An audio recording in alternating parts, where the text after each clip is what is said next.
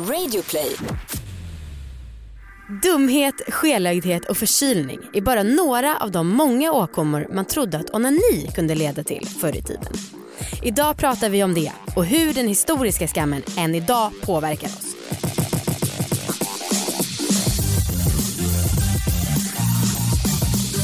Hej allihopa och välkomna ska ni vara till League!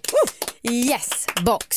Där satt den. Ja, jag heter Anna Jag heter Amanda. och det här är en podd om sex, sexualitet och om att äga sina val. Vad har vi på sexualitet? Rätt mycket. Ja, vi båda har en. Ja, ja men jag menar vad har vi för spaning på sexualitet? Som all, det är väldigt trendigt att säga så. Spaning. Ja, nej, men så Alex och Sigge säger vad har vi på Aha. kungen? Freakshow säger vad har vi på drottningen? Åh, så Ja. var jag så himla mesig i mitt svar. Verkligen. Lite Eh, osäker. Men jag har en. Eh, sexualitet kan man ju lära känna via onanin. Det är onani som vi ska prata om idag. Ja. Och du har ju en sån himla sorglig introduktion till onani på sitt sätt. Aha. Eh, som jag tror att du bara har berättat på livepoddar och föreläsningar. Men det vore askul om du kan berätta det nu för att jag Mm. Okej. tycker det är världens bästa. Eh, men för det första, bra spaning. Tack. Eh, Okej, ja men det kan jag såklart berätta. Det, det har jag nog inte berättat. Nej men jag ehm, onanerade mycket i Mm. tonåring, Mm. tonåren, precis som vilken annan tonåring som helst. Eh, och tyckte att det var skitbra och hade det skönt och nej, men liksom gjorde min grej. Tyckte det var as nice. Ehm, men skämdes skitmycket, Mm. vilket jag tror är ganska vanligt. Mm. Jag tyckte att det var, jag kände mig liksom smutsig och typ, eh, jag, tyck, jag kände mig liksom bevakad varje gång jag gjorde det. Mm. Eh, och tyckte det var väldigt vulgärt och äckligt så. Eh, och då kommer jag ihåg en gång i skolmatsalen, jag satt med mina kompisar, eh, tjejkompisar och en av de kompisarna hon typ skämtade och sa att hennes finger var hennes bästa vän. Jo. Jag vet, skitäckligt. Nej, men alla fattade att hon menade att hon liksom onanerar med det här fingret och att det skulle vara kul. Typ. Eh, men det var ingen som uppskattade det skämtet. Det blev jättekonstig stämning och så helt tyst och hon blev väl ganska generad tror jag. Eh, och någon bytte samtalsämne typ snabbt. Mm. Ehm, och det var väl skönt. För att då, jag trodde att jag var ensam och göra den här äckliga grejen. Men det var jag uppenbarligen inte. Så att det var skönt att få höra det. Ehm, men sen så, ah, jag vet inte, jag försökte ändå liksom inte göra det. Och då så var, i den här åldern så var jag ganska så mycket för regler för mig själv. Mm. Så jag så utformade typ ett straffsystem. Eh, för att jag skämdes så mycket över att jag gjorde det, liksom, trots att jag verkligen inte ville göra det. Eh, så jag sa så här, men om, om jag onanerar då får jag inte göra de här sakerna ikväll. Eh, och så försökte jag liksom att undvika och inte göra det. Ja, och det gick inte så bra. Ehm, och sen till slut så typ kom jag på ett sätt som skulle få det att kännas lite bättre och det var om jag onanerade under täcket. Om liksom hela huvudet var under täcket så jag slapp liksom se rummet och se mig själv. Och, ja. Jag hade väldigt så problem, liksom, tråkig syn på onani för att det var ju så himla skönt. Alltså, jag har alltid onanerat mycket liksom och tyckte Ja. att det var väldigt nice. Ja, men, åh, lilla tonårs-Anna. Jättesynd om mig. Men jag kan trösta dig med en sak. Jaha. Det är att du inte är ensam. Hur hade du det? Eh, nej men jag skämdes ju inte jättemycket men däremot så var jag ju så otroligt penetrationsinriktad. Ja, Så jag tog ju en plastbanan för jag hade hört att man skulle ha en kuk liksom. ja. eh, och började penetrera mig själv med den, satte en kondom på för jag tyckte att det var sexigt. Men det gjorde mer ont eh, eftersom att bananen var verklighetstrogen. Men vadå, så i liksom 15-16 års åldern då onanerade inte du? Nej men typ inte så mycket alltså och det var inte så skönt och jag gav upp. Och det här vet ni ju att jag kom ju första gången när jag var 18 med en Ja. Clone Willy, en vibrator. Och det kanske är det som är anledningen till att jag gör ligg. Ja. En sen tonårsrevolt för att jag aldrig fick orgasm. Shit vad sjukt. Eh, men alltså skam har det funnits enorma mängder av när det gäller onani. Och eh, det finns ju en annan podd som heter Historiepodden och de har haft ett avsnitt som hette onanihysterin. Och det var så jäkla spännande för att man har haft så många skeva föreställningar om vad som händer om man onanerar. Ja. Och vi ska prata lite om den här historiska skammen idag. Välkommen hit Robin Olofsson från Historiepodden. Wow, tack så mycket. Det är fint att vara här. Ja vad bra. Ja, vad bra. Det är väldigt fint att du är här. Ja. Eh, Okej, vi ska snacka historia. Som våra lyssnare vet så är vi inte eh, stora fan av research, jag och Amanda. eh, men det är du, Robin. Ja, det är jag. Det kanske man måste vara om man har en podd om historia. Ja, om man inte kan allting till en början så får man ju vara ödmjuk och, och researcha. Nej, det, det är mycket av mitt liv som är att, att sitta med, med näsan i olika böcker. Men det är ju fint också när man kan återanvända det. Nu är det ju andra gången som jag får, Ja, Ja, får skönt. glädje av det här. varsågod. Tack så mycket. Men alltså finns det mycket böcker och så om onani? Ja, men det gör det. Alltså det där är ju en intressant eh, tanke om historia överhuvudtaget, att man tänker att historia handlar bara om typ militärer och politik, ja, krig, precis som du säger.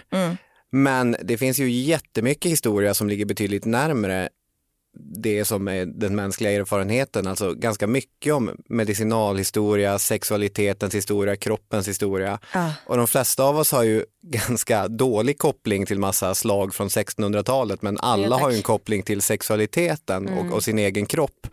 Så det finns ganska mycket att, att läsa och mycket av det som det avsnittet som ni pratar om är, är baserat på är dels en svensk författare och historiker, Karin Johannisson eh, heter hon. Eh, sal- ner. Ja, salig var det hennes minne.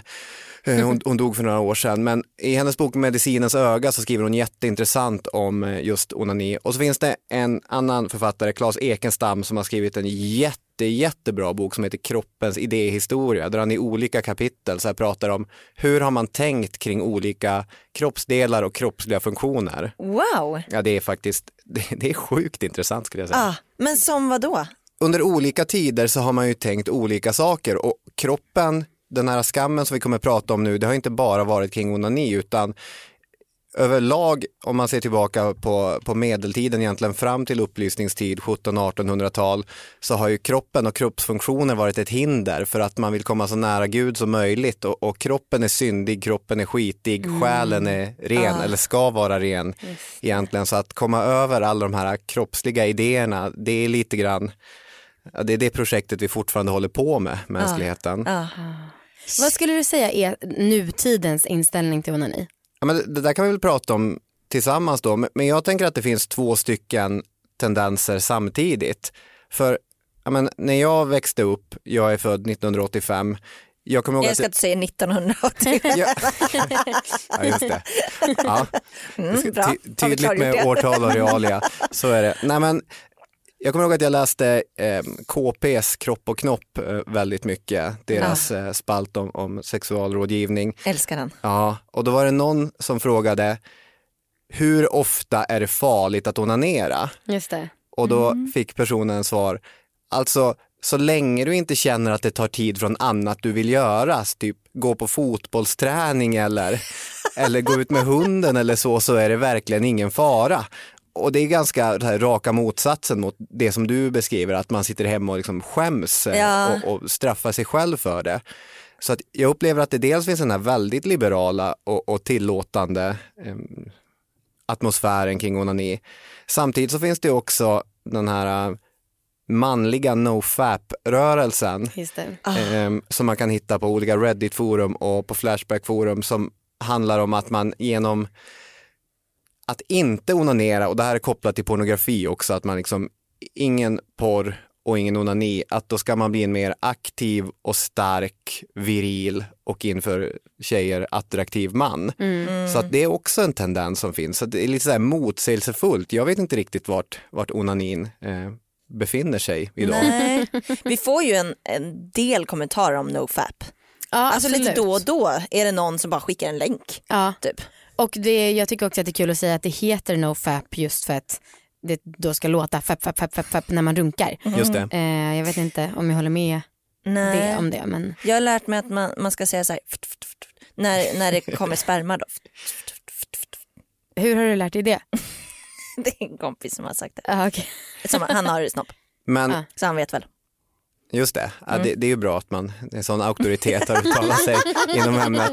Men eh, alltså, Källa på det. precis, nofap upplever jag som en dominerande manlig aktivitet också. Jag vet inte, hur uppfattar ni att eh, nutidens syn på, på kvinnlig onani är? Ja, nej, Ja. men absolut att det är sån avhållsamhet är mer trendigt för män.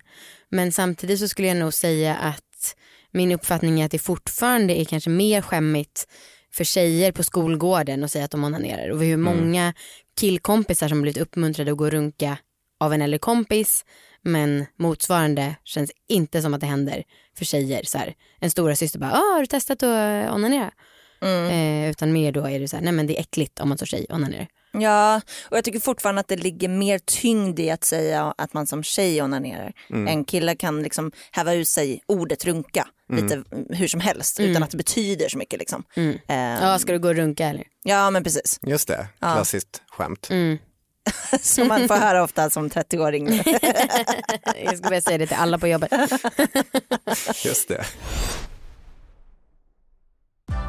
Nu är den stora färgfesten i full gång hos Nordsjö Idé och Design. Du får 30 rabatt på all färg och olja från Nordsjö. Vad du än har på gång där hemma så hjälper vi dig att förverkliga ditt projekt. Välkommen in till din lokala butik. Nordsjö idé och design. Okej men ska vi snacka lite historia? Ja, Hur har det gärna. varit? Jag Hur länge har det, var, hur, hur länge har, liksom, har det varit så här skamfyllt med onani? Det där är ju väldigt intressant med hur länge det har varit det, för det är ju lätt att tänka sig så här att sedan urminnes tider, sedan medeltiden så har onani varit skamfullt. Och det är inte helt fel, men det är inte hela sanningen heller. För om jag börjar kort bara det här ordet onani, var kommer ordet onani ifrån? Det är faktiskt en bibelberättelse. Eh, det är gamla testamentet och där har vi då en, en lirare som heter Onan. Det här är i, jag tror det kan vara, det är någon av Moseböckerna, det kan vara första Mosebok. Wow. Eh, som hamnar i det oturliga läget att hans bror dör. Och så får han en order från sin pappa, och man får inte ignorera en order från sin pappa. Du ska ligga med din brors fru och ge henne ett barn. Okej. Men det vill inte han. Vad Är, är det här som en slags lösning på... Ja, ja. Det, det är, så att orden är så att det är liksom, se till att hon blir gravid. Så går han till henne varje kväll, ligger med henne, men kommer inte i henne. Det är alltså ett avbrutet samlag. Och han spiller sin säd på marken och för detta blir han straffad. Med andra ord, den personen, Onan, som har gett namn till onani var egentligen inte onanist, utan han var bara jäkligt bra på avbrutet samlag. Men det är ju ett, det är ett ganska omständigt sätt att spilla sin säd. Så att någonstans på vägen så börjar man när man pratar om onani istället mena att helt enkelt runka. Självbefläckelse som ett annat sånt Ah. eh, bedrövligt begrepp. Men Amanda, du som kristen, du, hur känner du när du hör Jag det känner här? mig stolt. Stolt? Stolt. Att onanin... och att jag gör en bra gärning för Gud, inför Gud med det här arbetet jag gör. Ja. Eh, men jag undrar då, är onani latinskt då eller? För jag tänker masturbation är ju inte så likt onan. Nej, alltså precis. Jag utgår från det latinskt eller gammelgrekiskt eller liknande. Hur masturbation kommer in i det hela vet jag inte. Men Nej. sen på 1700-1800-talet, för det är då som onani helt plötsligt blir väldigt, väldigt läskigt. Ehm, jag vet inte vart man har plockat upp det ordet Nej. egentligen. Det känns ju inte som att grottmänniskorna skämdes så mycket för onani. Det kan jag liksom inte tänka mig. Nej. Det kändes som att de mest gnuggade sig mot allt möjligt. det är också en väldigt skarp spaning.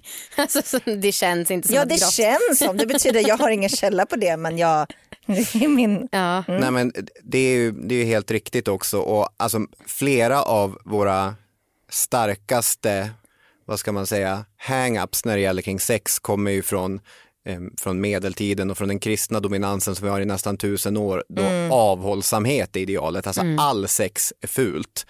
Och den enda man överhuvudtaget kan tolerera det är ju en man och en kvinna som är gift som ligger med varann för att fortplanta, för att skaffa barn. Det, det måste man ju liksom köpa, annars är ju mänskligheten körd. men, men allt annat, alltså alla sexakter som inte kan leda till att barn föds, det är sodomi och det är det. em, en, en synd, en fruktansvärd synd. Sen finns det så här dokument från den gamla katolska kyrkan om vilka av de sodomitiska akterna som är mest allvarliga och där är onani ganska långt ner. Så onanin var inte i kyrkans ögon så jäkla allvarlig utan onani blir allvarligt i början och mitten av 1700-talet när religionen tappar inflytande och vetenskapen och framförallt medicinen får mer inflytande.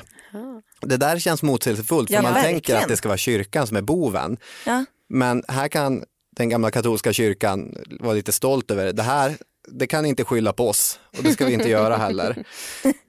Det finns en schweizisk läkare som heter Samuel August Tissot och han Okej. skriver en bok som heter, och nu slaktar jag ett franskt uttal här, Le onanisme. Okej. I den boken så har han gjort en studie, han har följt en massa unga patienter, unga manliga patienter, allt det här handlar om om män egentligen. Det är manliga författare som skriver om, om mäns Såklart. sexualitet. Mm. Det ska vi ha med oss här.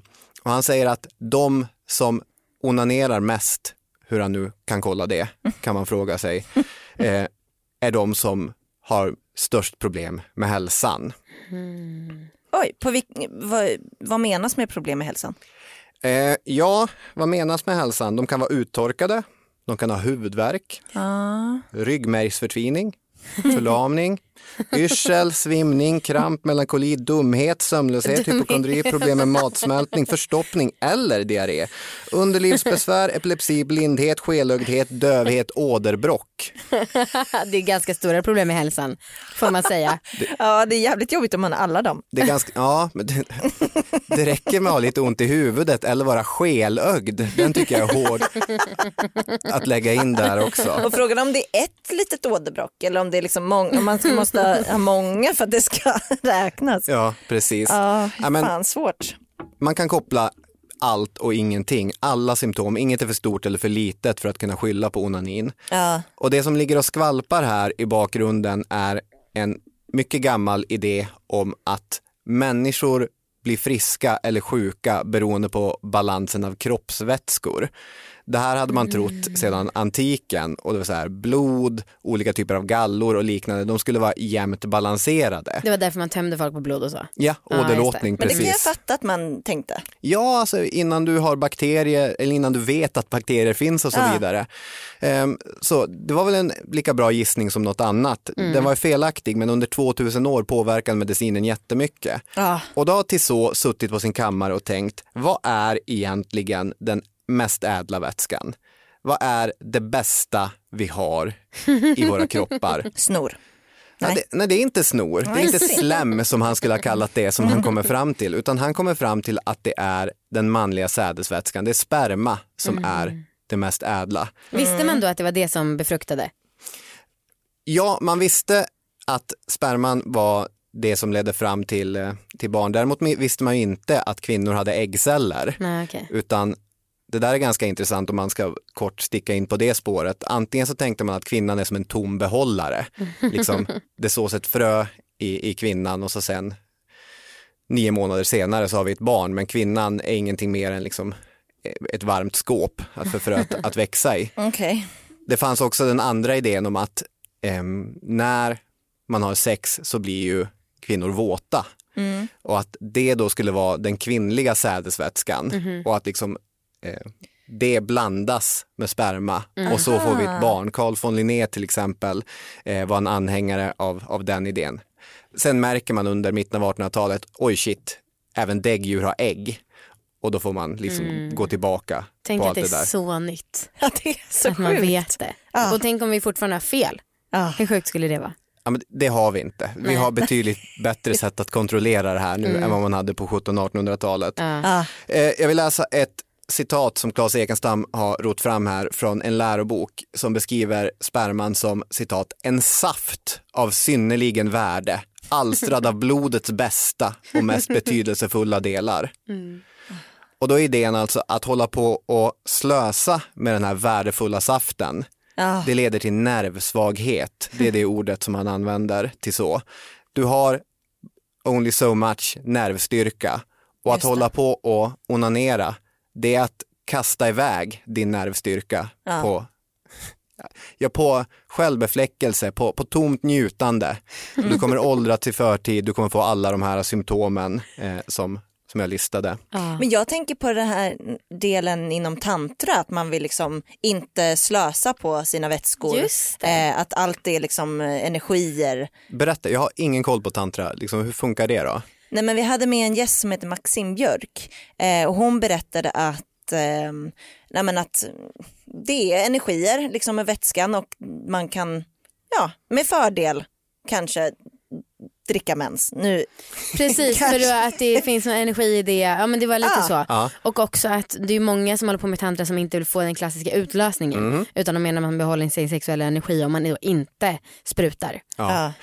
Ja. Jag har absolut ingen koll på det här men jag skulle inte bli ett dugg förvånad om det här också har någon sorts humoral patologisk eh, Det grund var i ett början. svårt ord. Ja, alltså den här idén med att vi har fyra vätskor som ska hållas i balans Ja. och att det är, de är värdefulla och Mm. de ska man se efter. Ja. En uppmärksam lyssnare skulle kunna tänka nu, men vad då en person som är gift och ofta har sex med sin partner, då försvinner ju hur mycket vätska som helst, den här värdefulla saften. Hur funkar det då? Och det här vet ju Tissot också, han vet ju att det är ett problem i hans beskrivning. Därför kommer han på idén om magnetism. Två stycken kroppar som är attraherade av varandra och som får mötas i ett sånt sexuellt möte, de skapar en magnetism som fyller på den här kraften också. Det var soft. Vilket bra loophole. Ja, det är ett jättebra loophole för annars är hans idé Ja. helt tom.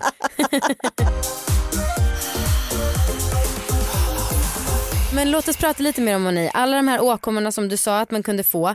Hur spreds de och trodde man på riktigt att det kunde hända eller var det bara skrämselpropaganda? De sprids genom en annan idé, sensitivitetsläran som är, är stor under den här tiden, att man har kommit på att det finns ett nervsystem, kroppen pratar eh, med varann, men man har inte riktigt fått klart för sig hur nervsystemet egentligen fungerar. Så då tänker man, okej, eh, liksom, onani, det, det borde ju vara problem kopplat till könet som i första hand uppmärksammas. Men som vi kom in där med skelögdhet och, och huvudvärk och allt vad det nu är, så börjar man ju förklara allt och ingenting. Man börjar även förklara psykiska problem som kleptomani, Ja, att onani kunde leda till att man blir kleptoman. Oj. Och då är idén att nej, men det där kan spridas via nervsystemet. och det är det som är problemet. Så att det är ett exempel på en, så en ganska bra tanke. Man har lärt sig någonting vetenskapligt och medicinskt, men man drar fel slutsats utifrån det. Och det där kan man se eh, vid andra tillfällen också, som att eh, man tycker att skakningarna som uppstår när man kan få orgasm är obehagliga. Just. För att det där skulle kunna skaka loss delar i kroppen. Ja, det låter inte bra. Nej, och inte minst för kvinnor är det där livsfarligt. De få författare som faktiskt tar sig tid att fundera på kvinnlig onani, hur, är, hur funkar det egentligen då? Det är framförallt skakningarna de har problem med. Kvinnor, ja, man, man tänker så här, kvinnor är kroppsligt svagare än män och att de ska hålla på och skaka så där mycket, det känns inte alls som någonting som vi vill rekommendera. Så att det är den stora faran för kvinnor, att man ska skaka så mycket. Men de trodde absolut på det. Ja. Och de här första hundra åren, från man ska säga 1760-talet till 1860-talet, Aha. ehm, då präglas den här litteraturen om onani, som Tissots bok till exempel, av en sorts uppmuntrande, det här måste ni veta. Om man skriver läroböcker som olika läkare ute på Ja, i stad och landsbygd eller rektorer och lärare ska läsa och så ska de, de ska lära sig det här att okej, det här är en fara, vi ska skydda den kommande generationen från det. Informera dem om onanins potentiella risker. Men vad var liksom konsekvensen om man, om man blev påkommen som onanist? Just det. Vad, vad kunde konsekvenserna vara? Mm. Eller var det bara skyll dig själv? Ja, men vi har två stycken olika perioder och den första perioden var kanske skyll dig själv eller att du kunde få en, ett strängt tal att ehm, ta dig i kragen eller Mm, mm. man kunde få se en bild på, det finns många så här pedagogiska teckningar där man kan se eh, en, eh, en onanist vid 30 års ålder, han ser ut som en gammal farbror. Eh, En person som aldrig onanerat vid 30 års ålder och det är en parentherre. Eh, Så att, Vad är parentare? eh, en ståtlig man med god hållning, Okej, vacker mustasch Okej. och ett snyggt sätt att föra sig. right. Men eh, från 1860-talet och framåt då blir man så rädd över det här så att man börjar komma med ganska sadistiska metoder för att få människor att, eh, att inte onanera. Eh, vi kan ta några exempel. Dels bältet med lås är ju en klassiker, så här chastity belts Just som gör att man inte ska kunna komma åt eh, sina könsdelar. Vi har också onanibandaget, en nål som sticks fast i förhuden som ska förhindra, man ska inte kunna röra förhuden upp och ner på sitt könsorgan. Gud. Vad fanns det för kvinnor då? Eh, för Fanns kvinnor, så- ja, men man kunde pensla eh, olika kemikalier då i och kring, eh, ja, Klitoris? ja precis, Ja. så att det, man inte skulle vara så känslig och man inte skulle uppmuntra. Nice. Men vadå, det var liksom, då uppmuntrade folk att självmedicinera eller fick man åka till sjukhus för att göra det? Ja, det finns läkare som kan sk- skriva ut det här. Sen är det svårt att faktiskt fastställa hur vanligt det var att man skrev ut den här typen av nästan tortyrredskap. Ja, men då måste man ju komma till läkaren själv, alltså vill jag ha hjälp? Jag tror den stora risken är att du misstänker eller du har kommit på ditt barn att, med att onanera. Och så tar du med dig okej. ungen till läkaren och säger oj oj oj Pelle jag har ett problem med min 12-åring här, jag vet inte vad jag ska ta mig till. Och så träffar du på en fanatisk läkare då så kan eh, någon av de här fruktansvärda redskapen skrivas ut. Yes. Det finns i kataloger, man kan se bilder, det märks att det gick att beställa men jag har inte läst något om hur vanligt det faktiskt var. Jag tror att det var vanligare med den här typen av eh, tips om att se till att ditt barn sover med handen på täcket Ja. eh, ordentligt eh, så här, nerbäddad eller man kan läsa att det, det kan vara bra att sätta en nyckel, sy fast det i nattskjortan så att man inte kan ligga på rygg för om man ligger på rygg så är det större risk att man börjar vandra med händerna och kommer åt så här, de privata delarna. Eh, I Ekenstams bok finns ett helt så här, vansinnigt exempel på lärare och rektorer. Hur ska ni bete er när barnen måste gå på toaletten? Ehm, för då ska de lämna klassrummet och gå och kissa och då ska de röra sina könsdelar och då kan de ju komma på det. Risky. Och då, det här är ett tyskt läromedel och då står det att eh, ett bra tips kan vara att låta barnen gå tillsammans. Men då har den svenska översättaren lagt in att ah, men det är ju ännu mer riskabelt, tänk om de börjar onanera tillsammans, då är det moraliska förfallet stort. Jag skulle hellre skicka iväg en och en. Jäklar vad mycket tankekraft som de la på det här. Fy fan. Ja. Men var det några som fick fripass liksom? Alltså de som det var okej att de onanerade?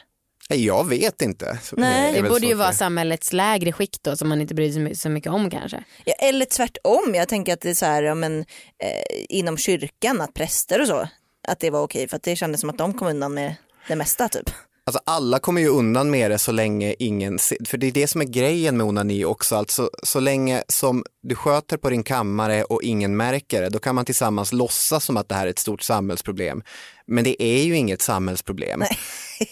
och det är ju svårt att tro att det här fick någon annan följd än att människor må, mådde dåligt. Ja. Ja. Det är jättesvårt att tänka sig att så få, de flesta onanerade väl ändå, Ja, det är min tanke, men de skämdes antagligen när de gjorde det. Fast jag vet inte, alltså, jag tycker ändå man hör talas om många som har fått höra som barn, nej nej nej det där är fult, det där är äckligt.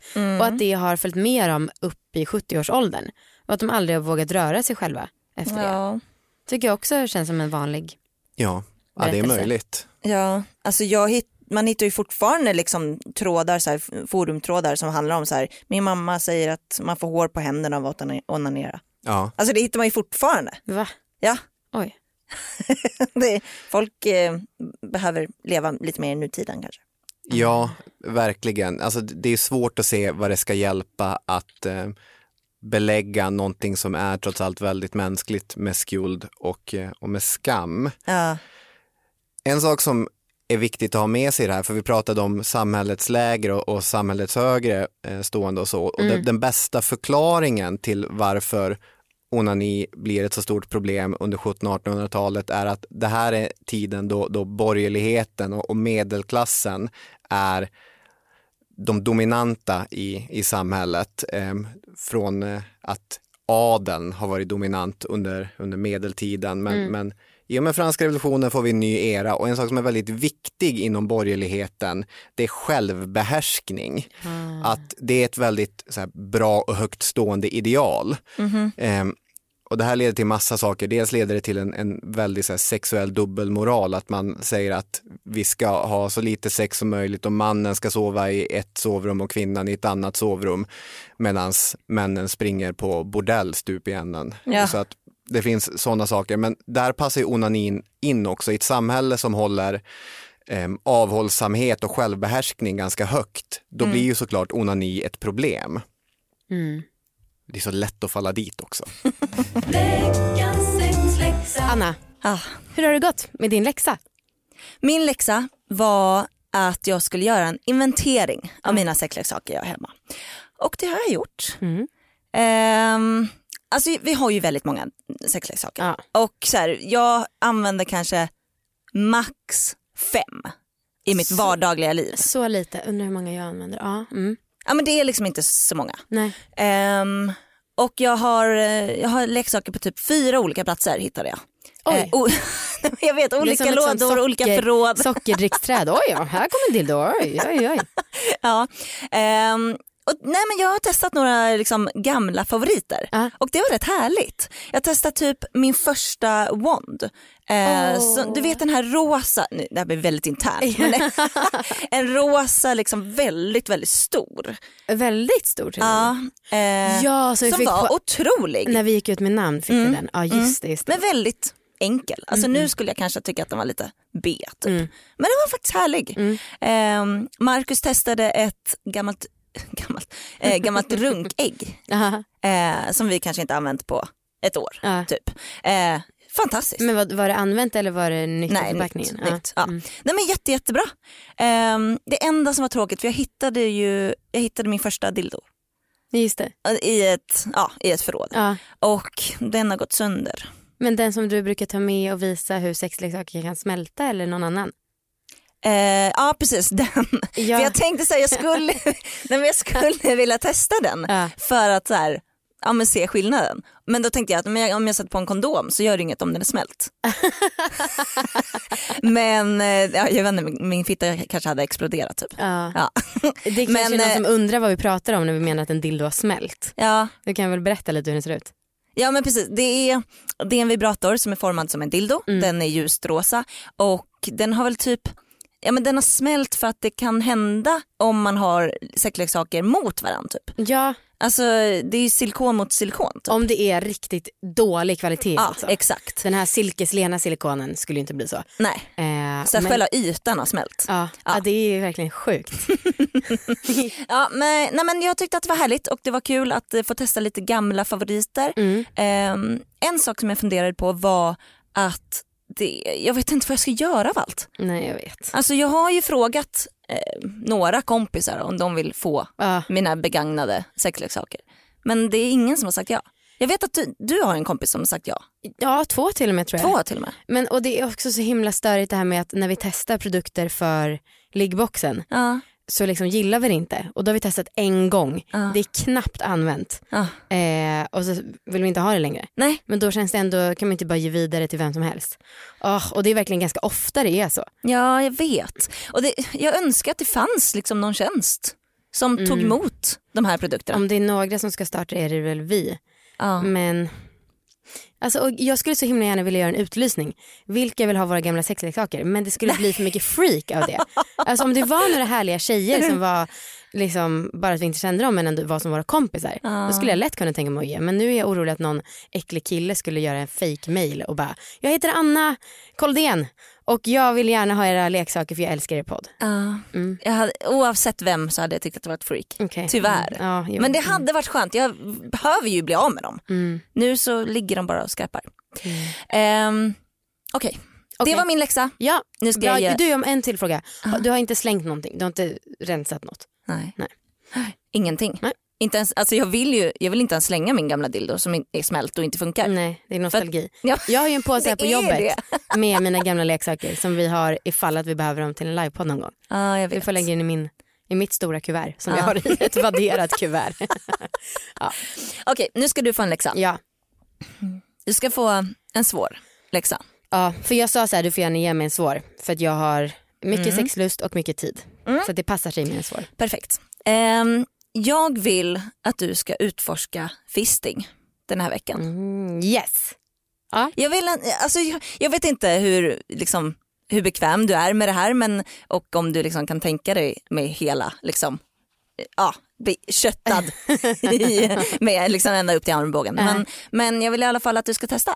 Det vill jag med. Eh, tyvärr att inte Viktor vill det men han får, jag får tvinga honom. Ja men, men vad är det han är rädd för? Han tycker att det känns obehagligt och grovt tror jag. Men grejen är att de tre som jag vet som har testat det här det är dels eh, Anna Sovanna Davidsson som Ja. har gästat podden Ja. och sen är det min kusin Ja. eh, och sen är det Tony då som har fått den i analen. Mm. Eh, men både Anna och Emma säger att det liksom är det mest Det är ju inte en avslappnande. knytnäve heller. Nej man ska forma handen som ja, en liten krona typ, alltså göra den så liten som möjligt. Ja. Och att det är så himla avslappnande och att fittan verkligen slappnar av när man väl börjar få in många fingrar. Att den tvingas slappna av typ att det är en Mm. helt ny typ av sensation. Hur många har, fingrar har Viktor haft i dig samtidigt? Två eller tre kanske. Ja, men då är det ju knappt någon skillnad. För det är nästan nej- värre med tre för då är du ändå på bredden. Liksom. Jo fast jag tänker att fisting, jag skulle vilja testa också att det går över knogarna och det är ju stor skillnad. det är läskigt. Fortsättning följer. Eh, men kul. Är det här liksom kyrkans fel att det har varit så här? Och hur har det sett ut i länder som inte har varit katolska? Nej, jag tycker inte att onanin ska skyllas i första hand på kyrkan annat än att kyrkan ligger bakom ganska många hang-ups när det gäller sexualitet i största allmänhet. Ja. De protestantiska länderna har varit lite mer accepterade när det gäller eh, kropp och, och sexualitet överlag. Bara en sån här sak som att vi kräver inte celibat eh, bland präster och kyrkans folk i protestantiska länder, vilket fortfarande är någonting som förväntas inom katolska länder. Men trots det, det är ju inga problem i Tyskland och i Sverige att få upp världens hysteri eh, kring onani. Så att det var absolut ingenting typiskt eh, katolskt. Utan det här är någonting som ligger på den, den tidiga och ganska primitiva vetenskapen och, och medicinen som är halvsanningar och gissningar kommer fram till ganska dåliga förklaringar. Aha. Jag vet inte, jag har inte läst någonting om hur det skulle vara till exempel i, i muslimska länder Nej. eller i, i andra länder när det gäller eh, synen på onani. Det skulle vara väldigt intressant men Just det. jag har inte stött på Verkligen. någonting sånt. Hmm. Tur att det här är en svensk podd. Vi fokuserar på Sverige. Jag blir nyfiken på hur jag hade introducerats för onani om jag inte hade hört talas om det av tjejtidningar. För, för min, min uppfattning är att jag mest prövade onani för att jag hörde att man kunde göra det. Inte för att kroppen kallade. Ah. Det är intressant. Mm. Ja. För mig var det min kropp. Min Mm. kropp är ett mitt tempel. Wow, så poetiskt sagt Anna. Tack. Ehm, vad tror du att så här, dagens sexuella akter skulle mottas på typ 1700-1800-talet? Det där är intressant för så här, magkänslan är ju lätt att säga så här, åh, de skulle förfäras. Mm. Eh, de skulle tycka att allting var så hemskt.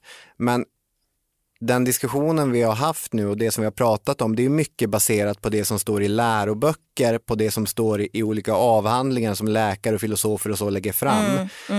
Det, det finns ju alltid ett glapp mellan vad som står i böckerna och hur det faktiskt är i verkligheten Ja, vad män och kvinnor eller kvinnor och kvinnor eller män och män har gjort i bakom lyckta dörrar, bakom höstacken och så vidare.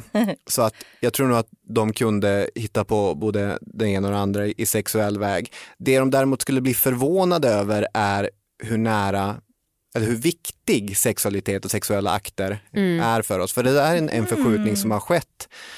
Så här, det finns eh, en känd fransk filosof som heter Michel Foucault, som, som han skrev jättemycket om sexualitetens historia. Han har helt styrt hur man har tänkt på det. Ja. Och hans här, klassiska citat är så här, sodomiten var en återfallsförbrytare, nu är den homosexuell en art. Och liksom vad han menar med det är att ehm, sex, i det här fallet skriver han om, om homosexuella då, att det har gått från att vara någonting man gör till någonting man är. Och det här att sex och identitet är så tätt ihopkopplat som det är idag. ja. Att ha sex eller att inte ha sex, att onanera eller att inte onanera, att det blir en del av vem du är som person. Det hade en människa under tidigt 1700-tal haft svårt att förstå. aha. Det kan jag verkligen förstå. Jag har läst, alltså, och det håller jag med om, att så här, sexualitet är något trendigt just nu. Ja. Eh, Tack vare alla våra ligg kanske. Ah. Jag undrar vad de hade tyckt om våran liggbox. Mm. Alltså så här, de hade prenumerera på förvånade, sexleksaker. förvånade över el och så tror jag att de hade blivit väldigt mycket. Ja det kanske, Ja. det kanske är sant. Eh, men jag undrar när den här inställningen till att man trodde att onani kunde leda till dumhet, när slutade man tro det och hur gick det till? I mitten av 1900-talet Så nyss. så sker en förändring. Alltså det finns i Ekenstams bok, återigen så tar han fram en studie från 1944 då det är olika värnpliktiga som har fått svara på en enkät. Och där ska 67 procent ha sagt att masturbation kunde leda till allvarliga medicinska problem. Åh herregud. Men alltså under 40, 50 och framförallt 60-talet så sker en, en revolution i, i hur man ser på det, eh, sexualitet överlag. Ja. Preventivmedel eh, blir mer kosher, mer okej att prata om, att använda. Sexualundervisning blir en del av skolan och framförallt under 60-talet då det, liksom, samhället genomgår en, en sexuell revolution och sexuell frigörelse på många sätt. Då avdramatiseras onani i breda lager. Det är liksom någonting naturligt. Det är, det är ingenting, ingenting konstigt med det. Nej. Sen är det där att det är klart att det slår ju igenom i olika grupper i samhället olika mycket Mm. helt enkelt. Men alltså, mitten av 1900-talet, absolut.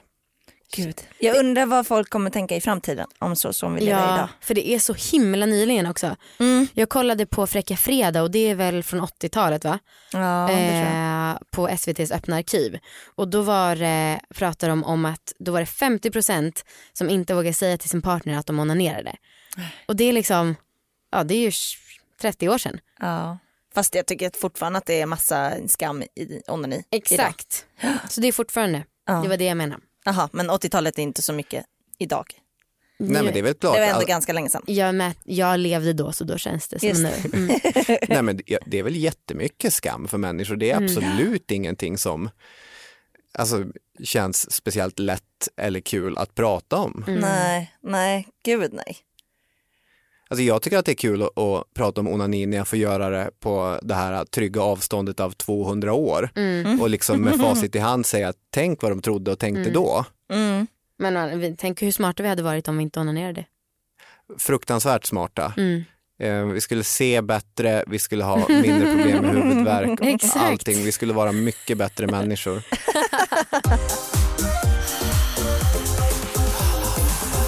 Funderar lite över så här vilka fanbärare som har funnits för den här, liksom, vilka som har velat sprida budskapet. Finns det några sådana kända vi vet? Det här är ju, tycker jag, den bästa roliga faktan inom det här.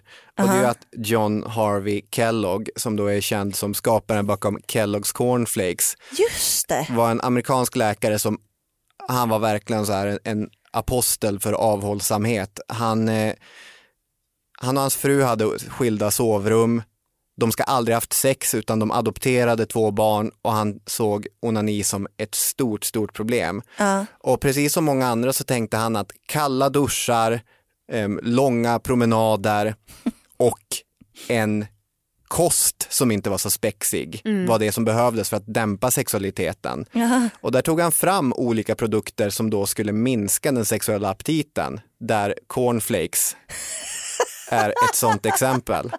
Alltså det kan ju pigga upp när man sitter där och käkar sina frukostflingor. Jag bara känner att sex, sexlusten bara rasar en. Just det, det här kommer från Gud. en, en gammal onanidåre. Nej men gud Men det är verkligen, alltså på vissa sätt så blir jag mer övertygad om att det inte är så himla annorlunda nu. För det där du sa om kalla duschar, långa promenader. Jag vet vissa som är liksom, det finns något så här manligt movement. Och då vet jag att de har haft sober oktober och då under den här månaden då är det ingen alkohol som gäller, man får inte kolla på porr, man får inte runka, man ska duscha kallt varje dag, man ska träna. Alltså det finns ju många av de här ritualerna fortfarande. Ja. Men jag undrar varför? Är det för att bli stabilare psykiskt? Är det för att de har eksem? ja, jag fattar inte. Nej, inte jag heller riktigt. Men Robin, svara. Du som man. Ja, jag, jag vet inte. Det, Nej. Men definitivt, alltså man ser ju historiska spår Mm. eh, i det, utan tvekan. Mm. Men så Kellogg's var alltså bara framtaget för att minska sexuell lust. Ja, när det gäller just den här läkaren, sen fanns det andra inom familjen som såg vi lägger till lite socker bara Ja, så har vi en produkt Ah. här som kommer gå att sälja Ja. riktigt bra. Hmm. För jag kan ändå tänka mig att socker kan göra lite sexuell lust.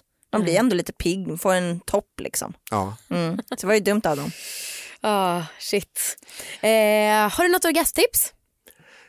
Om jag ska stå vid min vanliga, mitt vanliga motto att vi håller på med historia för att vi ska lära oss av historien. Mm. Om vi kan vårt då så förstår vi vårt, vårt nu. Så ett bra tips för att få orgasm är ju att faktiskt onanera Mm. och att göra det fritt från massa dumma moraliska regler och massa skam som egentligen hör framförallt 1800-talet till. Mm. Så att det tycker jag kan vara ett tips. Lär av historien och släpp den. Ja. FAP säger vi bara. Ja, just det. Inte no FAP. FAP, FAP, FAP. Så jävla äckligt. Ja, Tack så jättemycket för att du kom hit. Eh, Du har en podd som heter Historiepodden Stämmer. eh, och den är jättestor, större än allvarlig så den kan ni ju lyssna på om ni inte redan har gjort det. Verkligen. Eh, det finns en anledning till att eh, saker och ting blir populära. Eh, och tack för att ni har lyssnat. Tack så jättemycket. Tack Robin. Tack Hej då allihopa! Hej då!